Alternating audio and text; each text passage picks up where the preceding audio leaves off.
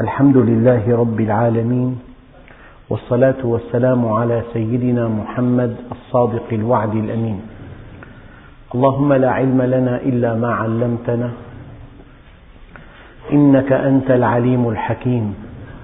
اللهم علمنا ما ينفعنا وانفعنا بما علمتنا وزدنا علما. وأرنا الحق حقا وارزقنا اتباعه. وأرنا الباطل باطلا وارزقنا اجتنابه. واجعلنا ممن يستمعون القول فيتبعون أحسنه وأدخلنا برحمتك في عبادك الصالحين. أيها الإخوة الكرام مع الدرس العشرين من سورة البقرة ومع الآية السابعة والثلاثين وهي قوله تعالى فتلقى آدم من ربه كلمات فتاب عليه إنه هو التواب الرحيم.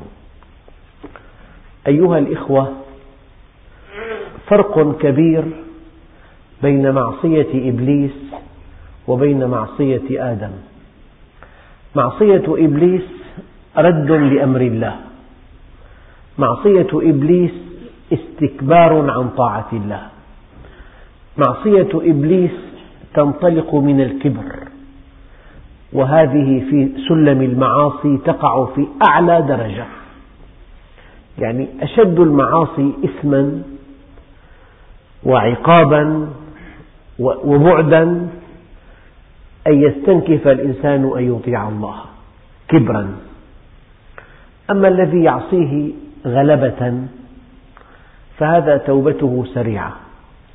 إلا أن العلماء يقولون إن الأنبياء معصومون.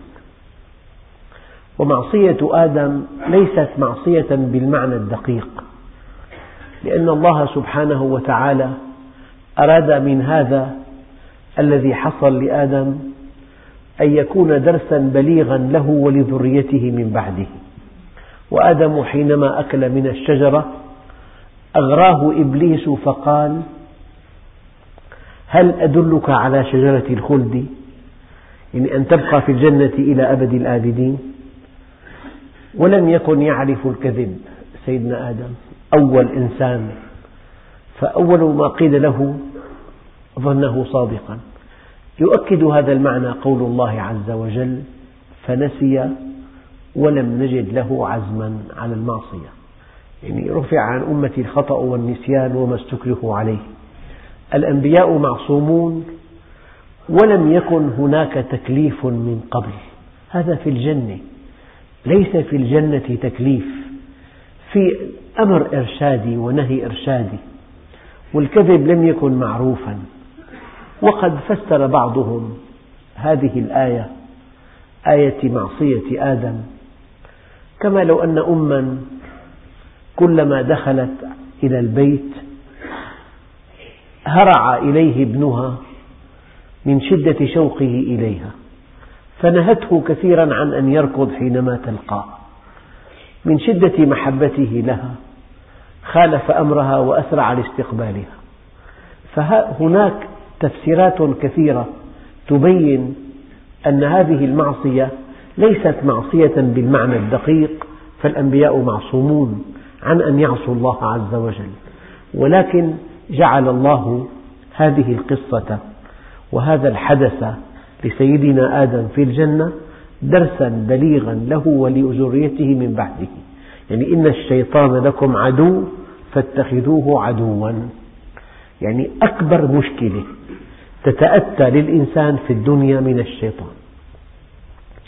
لأن الشيطان كما قلت في درس سابق قال لأقعدن لهم صراطك المستقيم.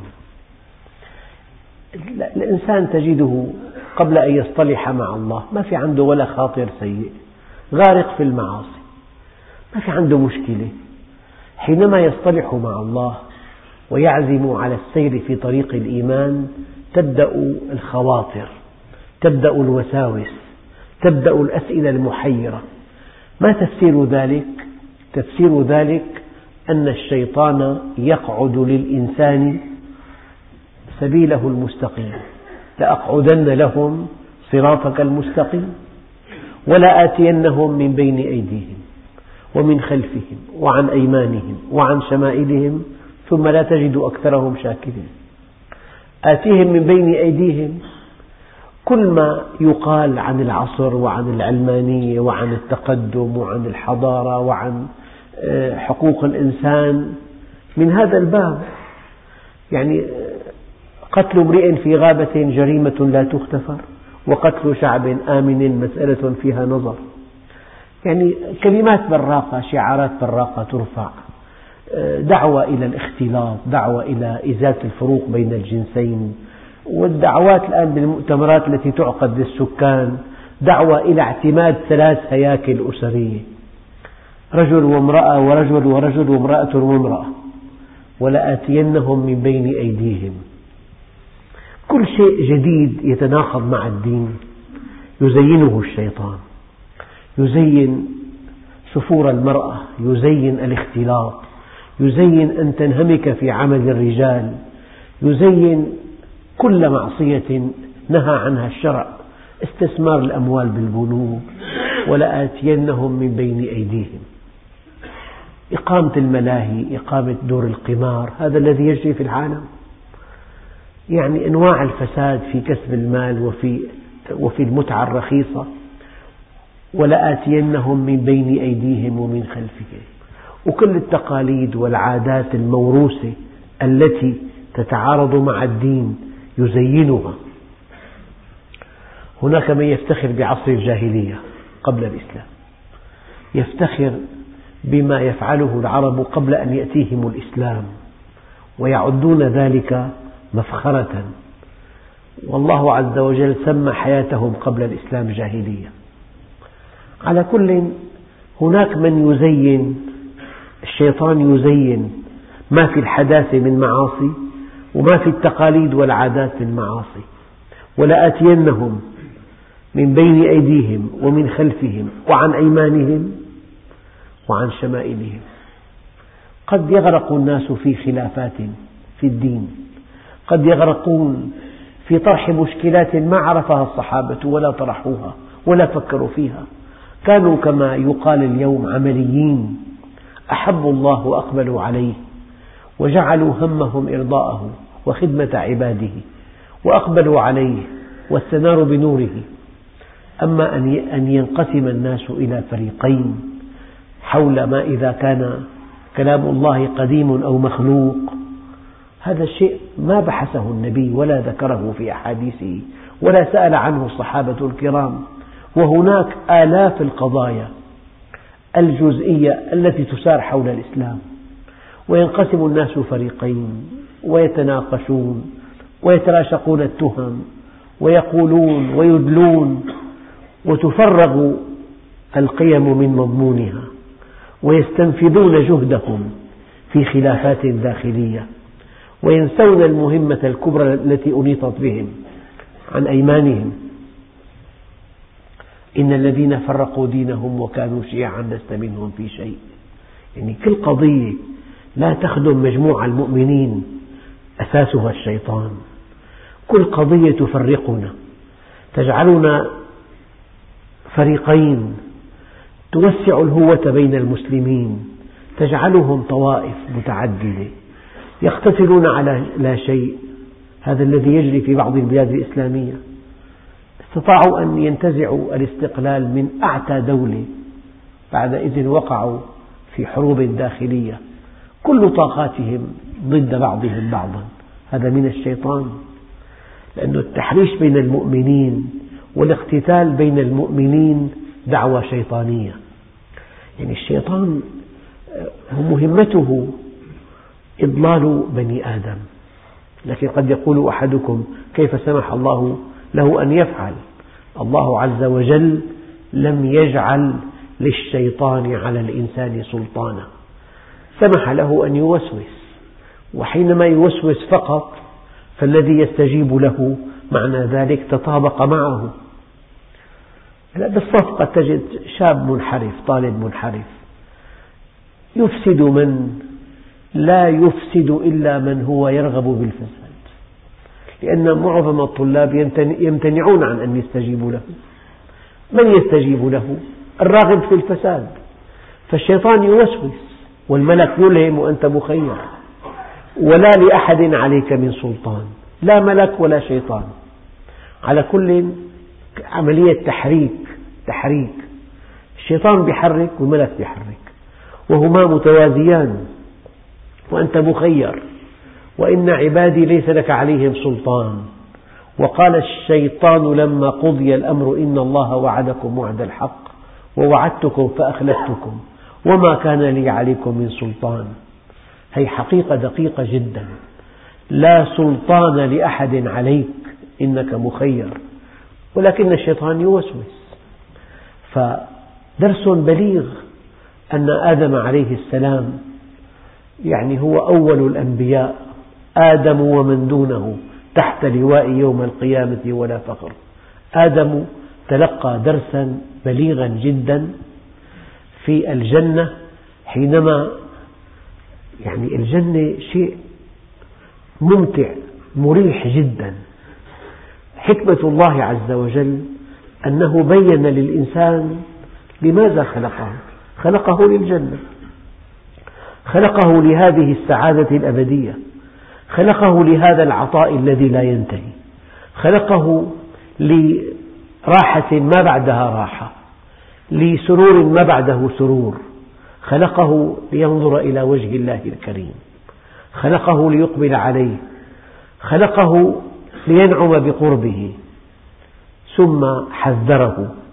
الذي يحول بينك يا آدم وبين هذه السعادة هو الشيطان. فهذا درس لك ولذريتك. يعني حكمة ما بعدها حكمة أن يبدأ الله خلق الإنسان بهذا الدرس البليغ. في جهة واحدة يمكن أن تصرفك عن الهدف الذي خلقت من أجله. إنه الشيطان. إنه عدو مضل مبين. إنه يسعى لشق صفوف المؤمنين. يسعى للتفريق بين المرء وزوجه. كل علاقة طيبة بين الزوجين هي من الرحمن والعلاقة السيئة من الشيطان. البغضاء من الشيطان. الكلام الذي يقوله الزوج أو تقوله الزوجة والذي يباعد بين الزوجين من وسوسة الشيطان. كل عمل سيء بوسوسة من الشيطان. لذلك التفريق بين المؤمنين بين الزوجين التخويف من العمل الصالح. إنما ذلكم الشيطان يخوف أولياءه. يعدكم بالفقر يأمركم بالفحشاء. يعني كل شيء يبعدك عن الله يأمرك به الشيطان. كل شيء بقربك من الله يحذرك منه الشيطان مع أنه لا يملك شيئا إلا أن يقول.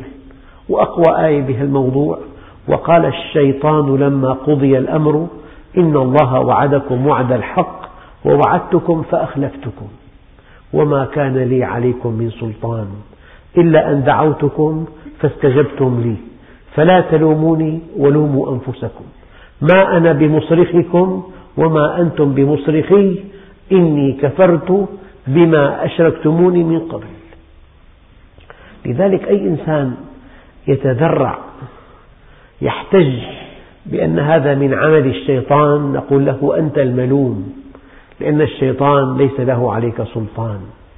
هل يستطيع أحد أن يدعي أمام آه، شرطي أو أمام مخبر شرطة أن فلان فعل به ما فعل؟ يقول لك دفعك إلى هذه الحفرة؟ يقول له لا. يقول لك وضعك فيها بيده؟ يقول له لا. يقول لك شهر عليك سلاحا؟ وقال انزل فيها. قال لا. لماذا تشتكي عليه؟ قال لأنه قال لي انزل فنزلت. هذا كلام مضحك غير مقبول. فأنا حتى الإنسان ما يسترسل ويعزي أخطاءه للشيطان ويستريح. الإنسان مسؤول ومحاسب ولا يعفى من أي مسؤولية أن الشيطان يوسوس. الشيطان محرك الشيطان كاشف. الشيطان مهمته الكشف يكشف الضعف. نحن أحيانا كثيرة نحن بحاجة إلى كشف نقاط الضعف. الآن في أجهزة حديثة جدا تكشف ما في الحديد من ضعف حتى ما يصير خلل والطائرة في الجو صار في جهاز يكشف ضعف المعدن. إذا في نقطة ضعف قبل أن ينشطر بينكشف هذا. فالشيطان كاشف بيكشف الإنسان. الإنسان لولا الشيطان ما عرف حاله. بتوهم نفسه مؤمن الشيطان يكشف له حقيقته تماما. يحجمه يغريه فيستجيب فيقع. هذا أنت. هذا هو حجمك الحقيقي في الإيمان. هذه هي خشيتك. هذا هو ورعك. كل ما تقوله ادعاء هذا هو الحق.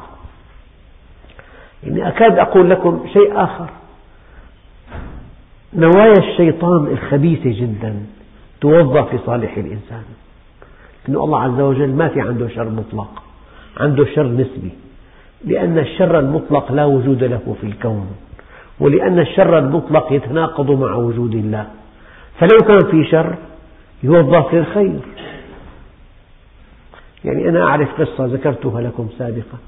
إنسانة متفلتة رغبت أن تكون موظفة في مكان ما طلب منها شهادة صحية ذهبت إلى المستشفى. الموظف مقصر مهمل أعطى لأخيها تقريرا لغيرها. يعني معها مرض سل. حينما علمت بهذا المرض الخطير بكت أشد البكاء تألمت أشد الألم. طبعا أهلها قاطعوها ابتعدوا عنها أعطوها أدوات خاصة لها لم يأكلوا معها. تعقدت بكت بكاء مرا ثم تابت إلى الله. وصلت واصطلحت معه. وكان أخوها في المستشفى بعد أسبوعين فإذا بالنتيجة لم تكن لها لغيرها. هذا الخطأ الذي ارتكبه الموظف وهذا الإهمال موظف عند الله للخير المطلق. يعني حينما توهمت أنها بهذا المرض وتابت إلى الله عز وجل دائما الله عز وجل يوظف الشر للخير المطلق. حتى الشيطان موظف. يكشف للإنسان أبعاده. يكشف آه، نقاط ضعفه. يكشفها ليتوب منها. لو في خطأ كامن في النفس ولم يظهر إلا عند الموت لاستحق صاحبه النار. أما إذا في ضعف جاء الشيطان كشف هذا الضعف. فهو في الظاهر أغواه في الحقيقة أخرج ما عنده من شر. وبعد ذلك جاء عقاب الله عز وجل وانتهى بالتوبة. لذلك في النهاية الذي يتوب من ذنب ارتكبه بفعل وسوسة الشيطان ما الذي حصل؟ يعني الشيطان كشف وسارع من دون, من دون, أن من دون أن يشعر من دون أن يريد بتقريب هذا الإنسان من الله عز وجل. وإلا من سمح للشيطان أن يفعل فعله في الأرض؟ الله جل جلاله. والله عز وجل كل فعله خير. حتى الذي يقوله الشيطان للإنسان موظف للخير المطلق. عملية كشف. يعني أنت لو عندك مثلا مجموعة أشخاص لا تعرف عنهم شيئا وأنت مضطر أن تقيمهم تقييما جيدا أو يجب أن تعلمهم بحقيقتهم. لا بد من طريقة كشف. كشف لحقيقة هذا الإنسان. فالإنسان حينما تكشف حقيقته هي خطوة أولى نحو التوبة ونحو صلاح نفسه. هذا كلام يحتاج إلى دروس أطول. يعني الشيطان شرير. هدفه إغواء الإنسان. هدفه حمله على المعصية. هدفه أن يبعده عن الله عز وجل. هذا الذي يريده الشيطان. ولكن الله يريد أن يتوب علينا. فأحيانا الشيطان يزين للإنسان عمله ليخرج ما في نفسه من شهوات مستحكمة وبعد إذن يأتي عقاب الله عز وجل ليطهر هذا الإنسان من كل شهوة علقت به. فتلقى آدم من ربه كلمات فتاب عليه. يعني كلكم يعلم أن هناك ذنبا بينك وبين الله. وهناك ذنب بينك وبين العباد فالذنب الأول يغفر والثاني لا يترك. أما الذنب الذي لا يغفر هو الشرك بالله عز وجل. الشرك بالله ذنب لا يغفر. وما كان بينك وبين العباد ذنب يغفر بشرط الأداء والمسامحة وما كان بينك وبين الله يغفر بطلب المغفرة. ذنب يغفر ذنب لا يترك ذنب لا يغفر تلقى آدم من ربه كلمات فتاب عليه إنه هو التواب الرحيم. الله عز وجل تواب. ومعنى تواب صيغة مبالغة. وصيغ المبالغة مع أسماء الله الحسنى تعني أنه يتوب على الإنسان من أكبر ذنب اقترفه. ويتوب عليه من آلاف الذنوب. يعني هو مبالغة كما ونوعا. مهما كان الذنب في نظرك كبيرا فالله عز وجل يتوب عليك منه. ما من ذنب مهما بدا لك كبيرا. قل يا عبادي الذين أسرفوا على أنفسهم لا تقنطوا من رحمة الله. عبدي لو جئتني بملء السماء والأرض خطايا غفرتها لك ولا أبالي. نبئ عبادي أني أنا الغفور الرحيم وأن عذابي هو العذاب الأليم. فالتوبة تكون من الذنب الكبير ومن الذنوب الكثيرة لأن الله تواب. بل إن الله عز وجل يريد أن يتوب عليكم. يريد. ويريد الذين يتبعون الشهوات أن تميلوا ميلا عظيما. هذه إرادة الله عز وجل. بل إن الله عز وجل يحمل الإنسان على التوبة. قال الله تعالى فتاب الله عليهم. أي قبل توبتهم. تابوا فتاب الله عليهم. أما تاب الله عليهم ليتوبوا يعني ساق لهم من الشدائد ما يحملهم بها على التوبة. فالله عز وجل علمنا من هذا الدرس أن الإنسان خلق للجنة. ولكن هذه الجنة لها ثمن ثمنها طاعة الله في الدنيا. وطاعة الله عز وجل لا, لا تقع إلا إذا عرف الإنسان الله عز وجل. وحينما يعرفه ويطيعه يسعده في الدنيا والآخرة هذا ملخص الدين كله. يعني معرفة واستقامة وسعادة في الدنيا والآخرة. ثم إن الله عز وجل وقد خلقنا للجنة لا بد من نماذج. قال ويدخلهم الجنة عرفها لهم في الدنيا. يعني يذيقهم بعض القرب. في الدنيا جنة من لم يدخلها لم يدخل جنة الآخرة. إنها القرب من الله عز وجل. يعني حتى الأشياء الجميلة في الدنيا لها هدف تربوي. لأن كل كلمات الجنة لا معنى لها. من دون مكان جميل في الدنيا. يعني لا بد من مرتكزات لهذه الكلمات. إذا الله عز وجل قال جنات تجري من تحتها الأنهار. لا بد من أمكنة جميلة من غابات من بساتين من أنهار من جبال خضراء من سواحل جميلة. هذه مرتكزات لكلمات الجنة. من أجل أن تفهم على الله ماذا تعني الجنة. لذلك الله عز وجل يذيق المؤمن نوعا من أنواع القرب. هذا الذي قاله بعض العلماء في الدنيا جنة من لم يدخلها لم يدخل جنة الآخرة. وهذا معنى قوله تعالى ويدخلهم الجنة عرفها لهم. فالله عز وجل عرفنا من خلال هذا الدرس أن الإنسان مخلوق للجنة. وأن في الجنة ما لا عين رأت ولا أذن سمعت ولا خطر على قلب بشر. وأن من في الجنة ما هم منها بمخرجين وأن ثمن هذه الجنة طاعة الله في الدنيا. وأن العدو الأول الذي يحول بين الإنسان وبين الجنة هو إبليس. وأن إبليس مهمته أن يزين الدنيا للإنسان يزين المعصية. يزين كسب المال الحلال الحرام. يزين الشهوة المحرمة.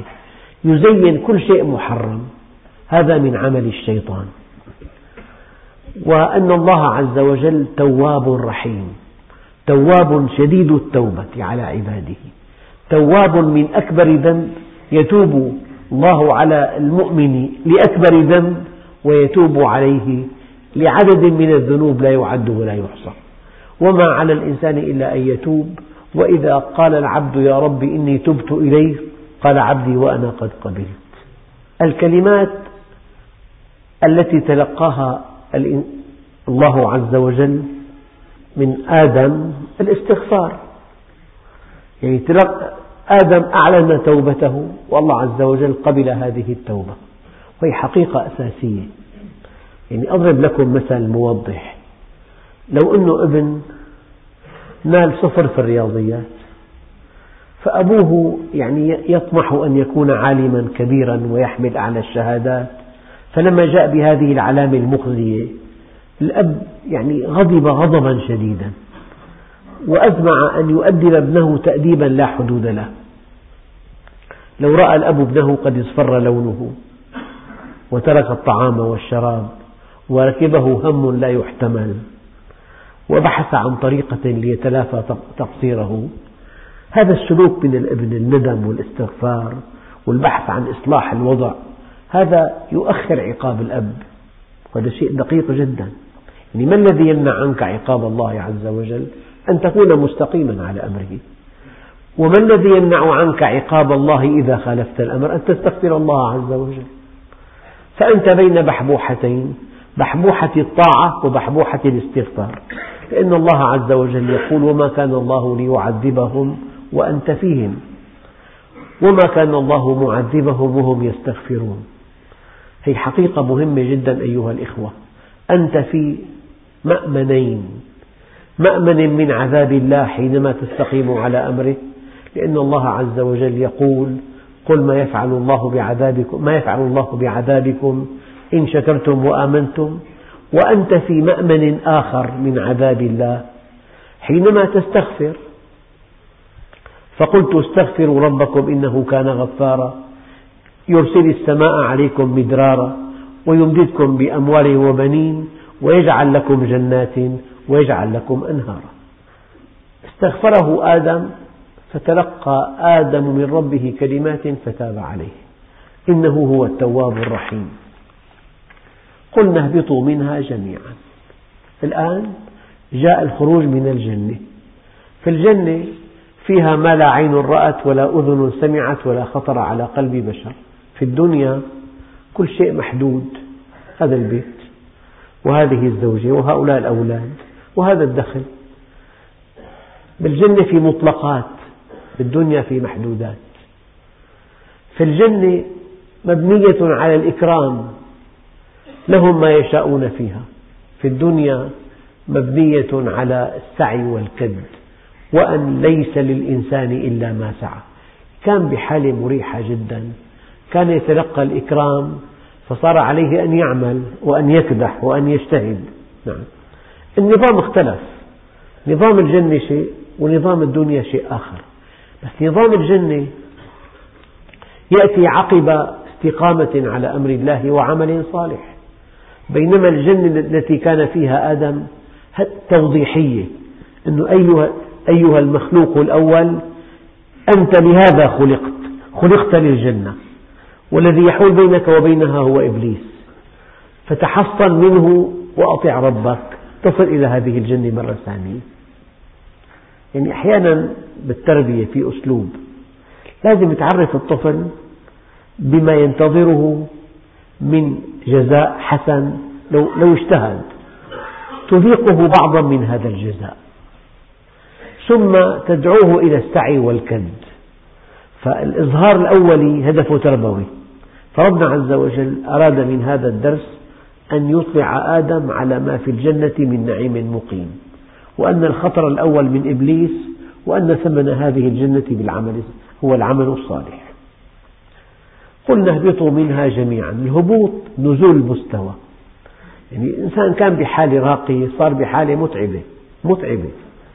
تلاقي الناس حتى يقدر يتزوج ثلاثين سنة. وهذا بيكون يعني سباق إلى الزواج. حتى يستقر ليلاقي في بيت له مأوى زوجة أولاد بثلاثين فما بعد. لحتى يقدر يتحرك حركة معقولة يحتاج إلى سنوات وسنوات. هؤلاء, هؤلاء الذين كسبوا المال حصلوه بجهد جهيد. فلما حصلوه يعني ما بقي لهم كثير ولا قليل حتى يغادروا الدنيا. فالدنيا دار تعب. إن هذه الدنيا كما قال عليه الصلاة والسلام دار التواء وليست بدار استواء. إنها منزل ترح لا منزل فرح. من عرفها لم يفرح لرخاء ولم يحزن لشقاء. قد جعلها الله دار بلوى وجعل الآخرة دار عقبة فجعل بلاء الدنيا لعطاء الآخرة سببا وجعل عطاء الآخرة من بلوى الدنيا عوضا. فيأخذ ليعطي ويبتلي ليجزي. بإمكانك أن تأكل مليون تفاحة مليار. كلما توجهت أشعة من نفسك إلى هذه التفاحة أخذت كل ما فيها من طعم طيب. دون أن تدخلها إلى جوفك فتتعبك. أما في الدنيا في طريق ثاني. لا بد من أن تأكلها. فإذا أكلتها أصبحت عبئا عليك. عبء الذي يؤثر الطعام الطيب يحتاج إلى جهود جبارة كي يخفض وزنه. يعني الدنيا متعبة. كل شيء يحتاج إلى سعي وإلى كد. فكسب المال صعب.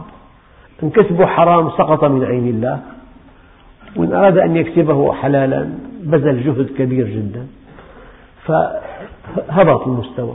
كان للإكرام صار للعمل والسعي والكد كان لهم ما يشاءون صار ليس لهم إلا ما يفعلون. كان في إكرام صار في جهد. كان في آه، مسامحة صار في محاسبة. يعني الوضع في الدنيا اختلف اختلاف كبير. لذلك المؤمن حينما يأتيه ملك الموت ينتقل من ضيق الدنيا إلى سعة الآخرة كما ينتقل الجنين من ضيق الرحم إلى سعة الدنيا.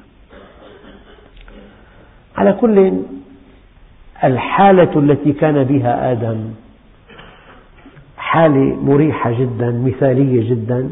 ما في نصب ما في تعب ما في خوف ما في قلق ما في مرض ما في هم ما في حزن.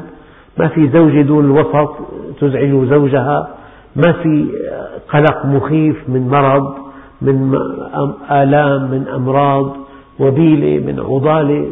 ما في فقر ما في سجن ما في شيء إطلاقا. في الدنيا صار في مسؤولية صار في كسب للمال صار في جوع. الجوع وراء كل عمل الإنسان. إنه مفتقر إلى الطعام كي يستمر وجوده. وبعد الطعام مفتقر إلى عمل يكسب به ثمن الطعام. لذلك الأنبياء قال الله عنهم يأكلون الطعام ويمشون في الأسواق. يعني مفتقرون مرتين مرة إلى تناول الطعام لبقاء وجودهم ومرة إلى كسب المال لشراء, ثمن لشراء الطعام.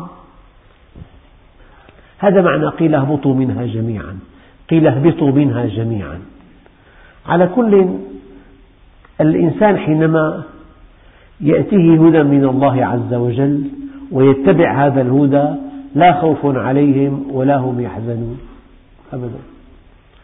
يعني صح الحياة متعبة وفيها ابتلاء وفيها امتحان لكن المطيع لله عز وجل في أمن وراحة. إن الله يعطي الصحة والذكاء والمال والجمال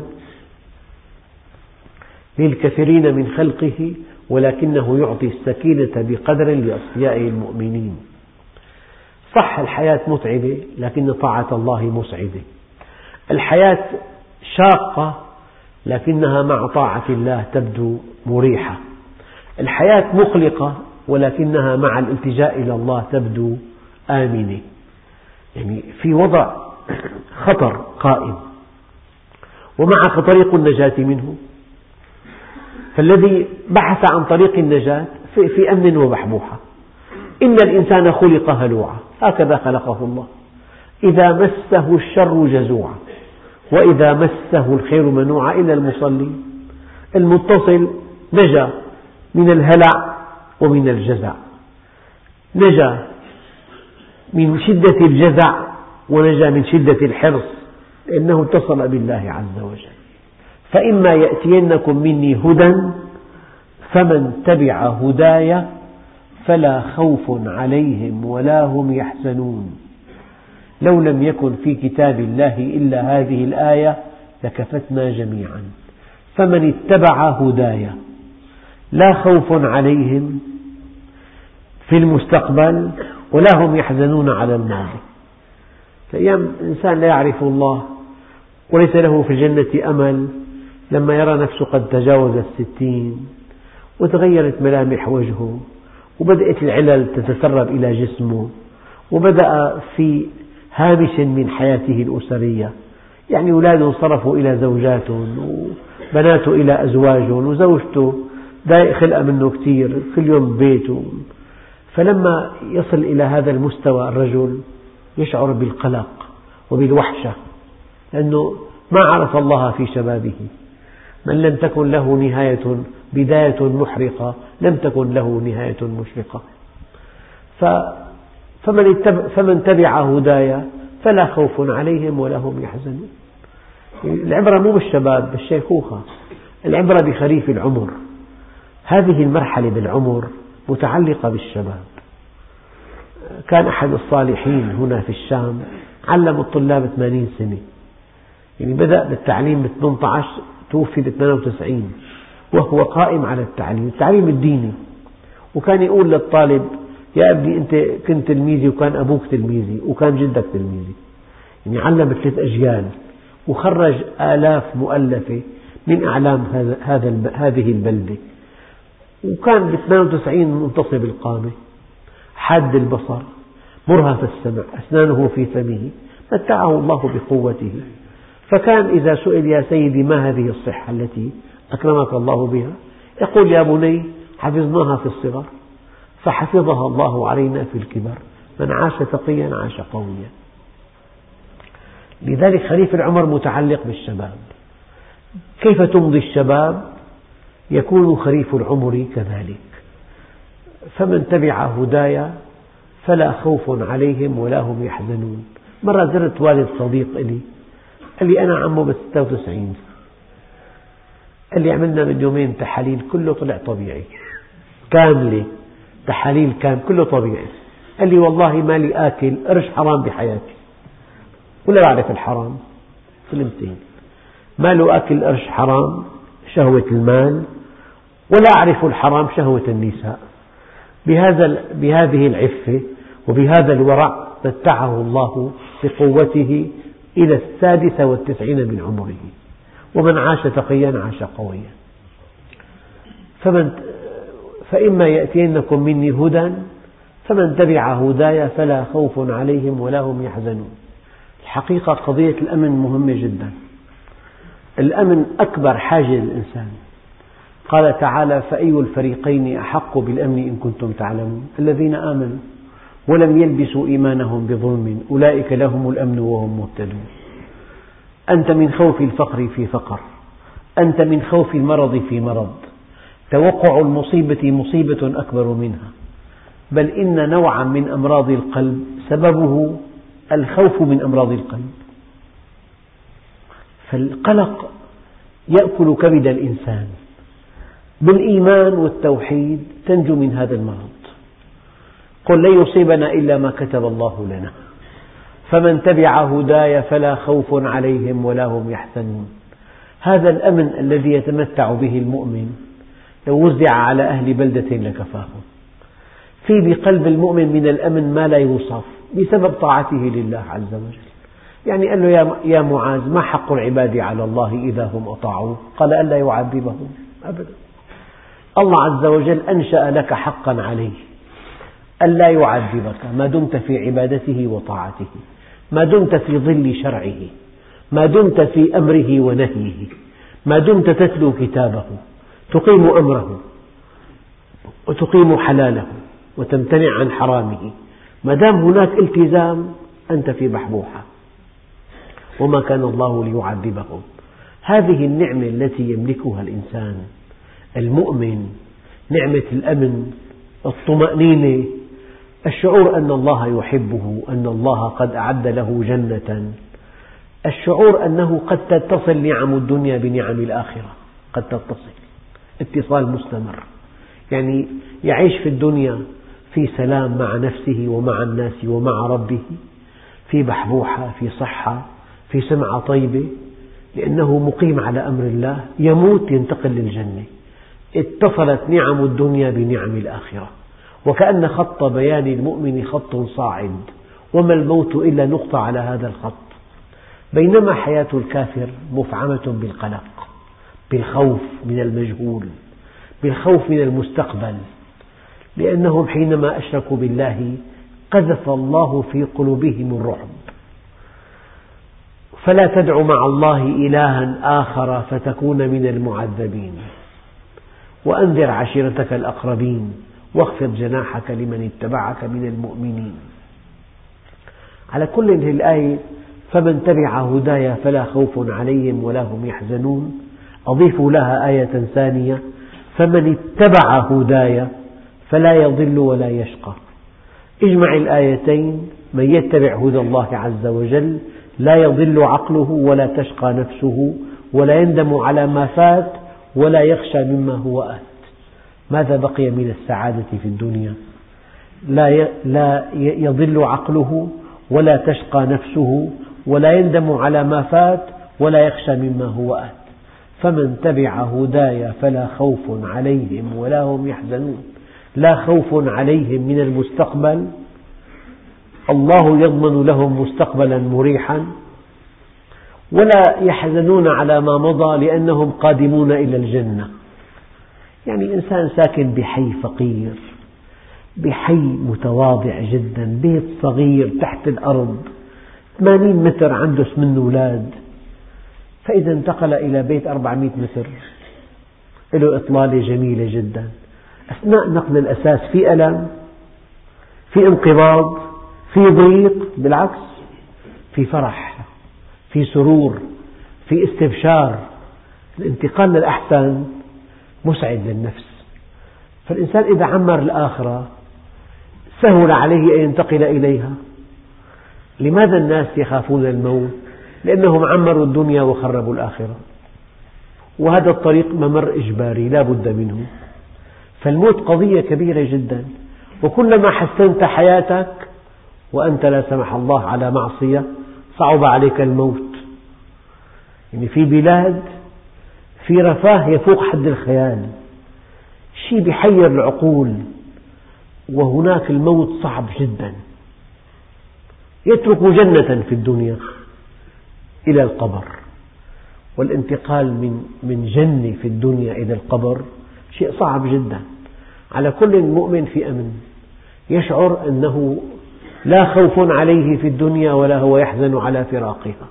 وكربتاه يا أبت قال لا كرب على أبيك بعد اليوم غدا نلقى الأحبة محمدا وصحبه. فمن تبع هداي فلا خوف عليهم ولا هم يحزنون.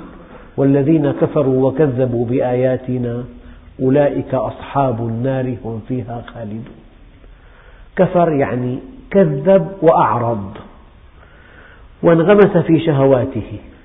هؤلاء أصحاب النار هم فيها خالدون. يعني الله عز وجل وهو أصدق القائلين يقول فما أصبرهم على النار؟ ما أصبرهم على النار؟ يعني كأن الله عز وجل يعجب من صبرهم على النار. كيف تقترب هذه المعصية؟ وأنت لا تحتمل عقابها. لا تحتمل. والذين كفروا وكذبوا بآياتنا أولئك أصحاب النار. هم فيها خالدون والحمد لله رب العالمين. أخواننا الكرام في معي أوراق عديدة. هنا يقول السائل إذا كان الله قد أعطى الإنسان حرية الاختيار وأن ينوي ما يشاء في قلبه والنبي يقول إن قلوب العباد بين أصبعين من أصابع الرحمن يقلبها كيف يشاء فكيف يكون الإنسان حرا بنواياه واختياراته؟ قضية بسيطة جدا. أنت مخير. لكن لما بتختار اختيار صحيح الله بيعينك على الاختيار بشرح صدرك قلبك بإيده. ولما بتختار اختيار غلط الله بيعينك على تركه بالتخويف. هذا معنى قوله تعالى وحبب إليكم الإيمان وزينه في قلوبكم وكره إليكم الكفر والفسوق والعصيان. يعني قلبك بيده يقبضه أو يبسطه يسعده أو يشقيه لصالحك. إذا الإنسان اتخذ قرار غلط وما شعر بضيق ارتكب الزنا وشرب الخمر ولقى حاله مرتاح كثير مبسوط معناه مشكلة كبيرة هي. أما عقب كل معصية في كآبة. هي الكآبة لأنه قلبك بيد الله عز وجل. لما ارتكبت غلط قبض لك إياه. مشان ما تعيدها. يعني أعانك على نفسك أن يكون قلبك بين أصبعيه من أجل أن يعينك على اتخاذ القرار الصحيح. إذا آمنت يشرح الله صدرك. وإذا الإنسان ارتكب معصية يقبضه حتى يكاد قلبه ينعصر من شدة الضيق. أنت مخير. يعني أنت بس الله بيدعمك. بدعمك أو بخوفك فقط. بس أنت مخير. فإذا الإنسان أقدم على معصية بحس بانقباض بقلق بخوف هذا القلق والخوف من نعم الله الكبرى. وإذا كان جاء لمسجد يسمع انبسطت كثير. هو شو بظن؟ البسط اجى من الله عز وجل. ألقى بقلبك نور ألقى بقلبك الانشراح ألقى بقلبك الطمأنينة. أنا كثير مرتاح. قال له نافق حنظلة. قال له ولم يا أخي؟ قال له نكون مع رسول الله ونحن والجنة كهاتين. إنسان جاء لبيت الله إن بيوتي في الأرض المساجد وإن زوارها هم عمارها فطوبى لعبد تطهر في بيته ثم زارني وحق على المزور أن يكرم الزائر. معناها لما إنسان يصطلح مع الله الله عز وجل بشكل استثنائي بيعطيه سعادة كبيرة كثير.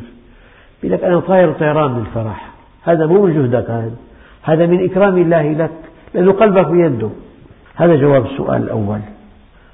نقرأ الفاتحة على نية التوفيق والرزق وتيسير أمور الزواج وعلى نية الشفاء لطفل من مرض عضال لم تعرف أسبابه وعلى نية الزواج وتيسير أسبابه والمعافاة لجميع المسلمين.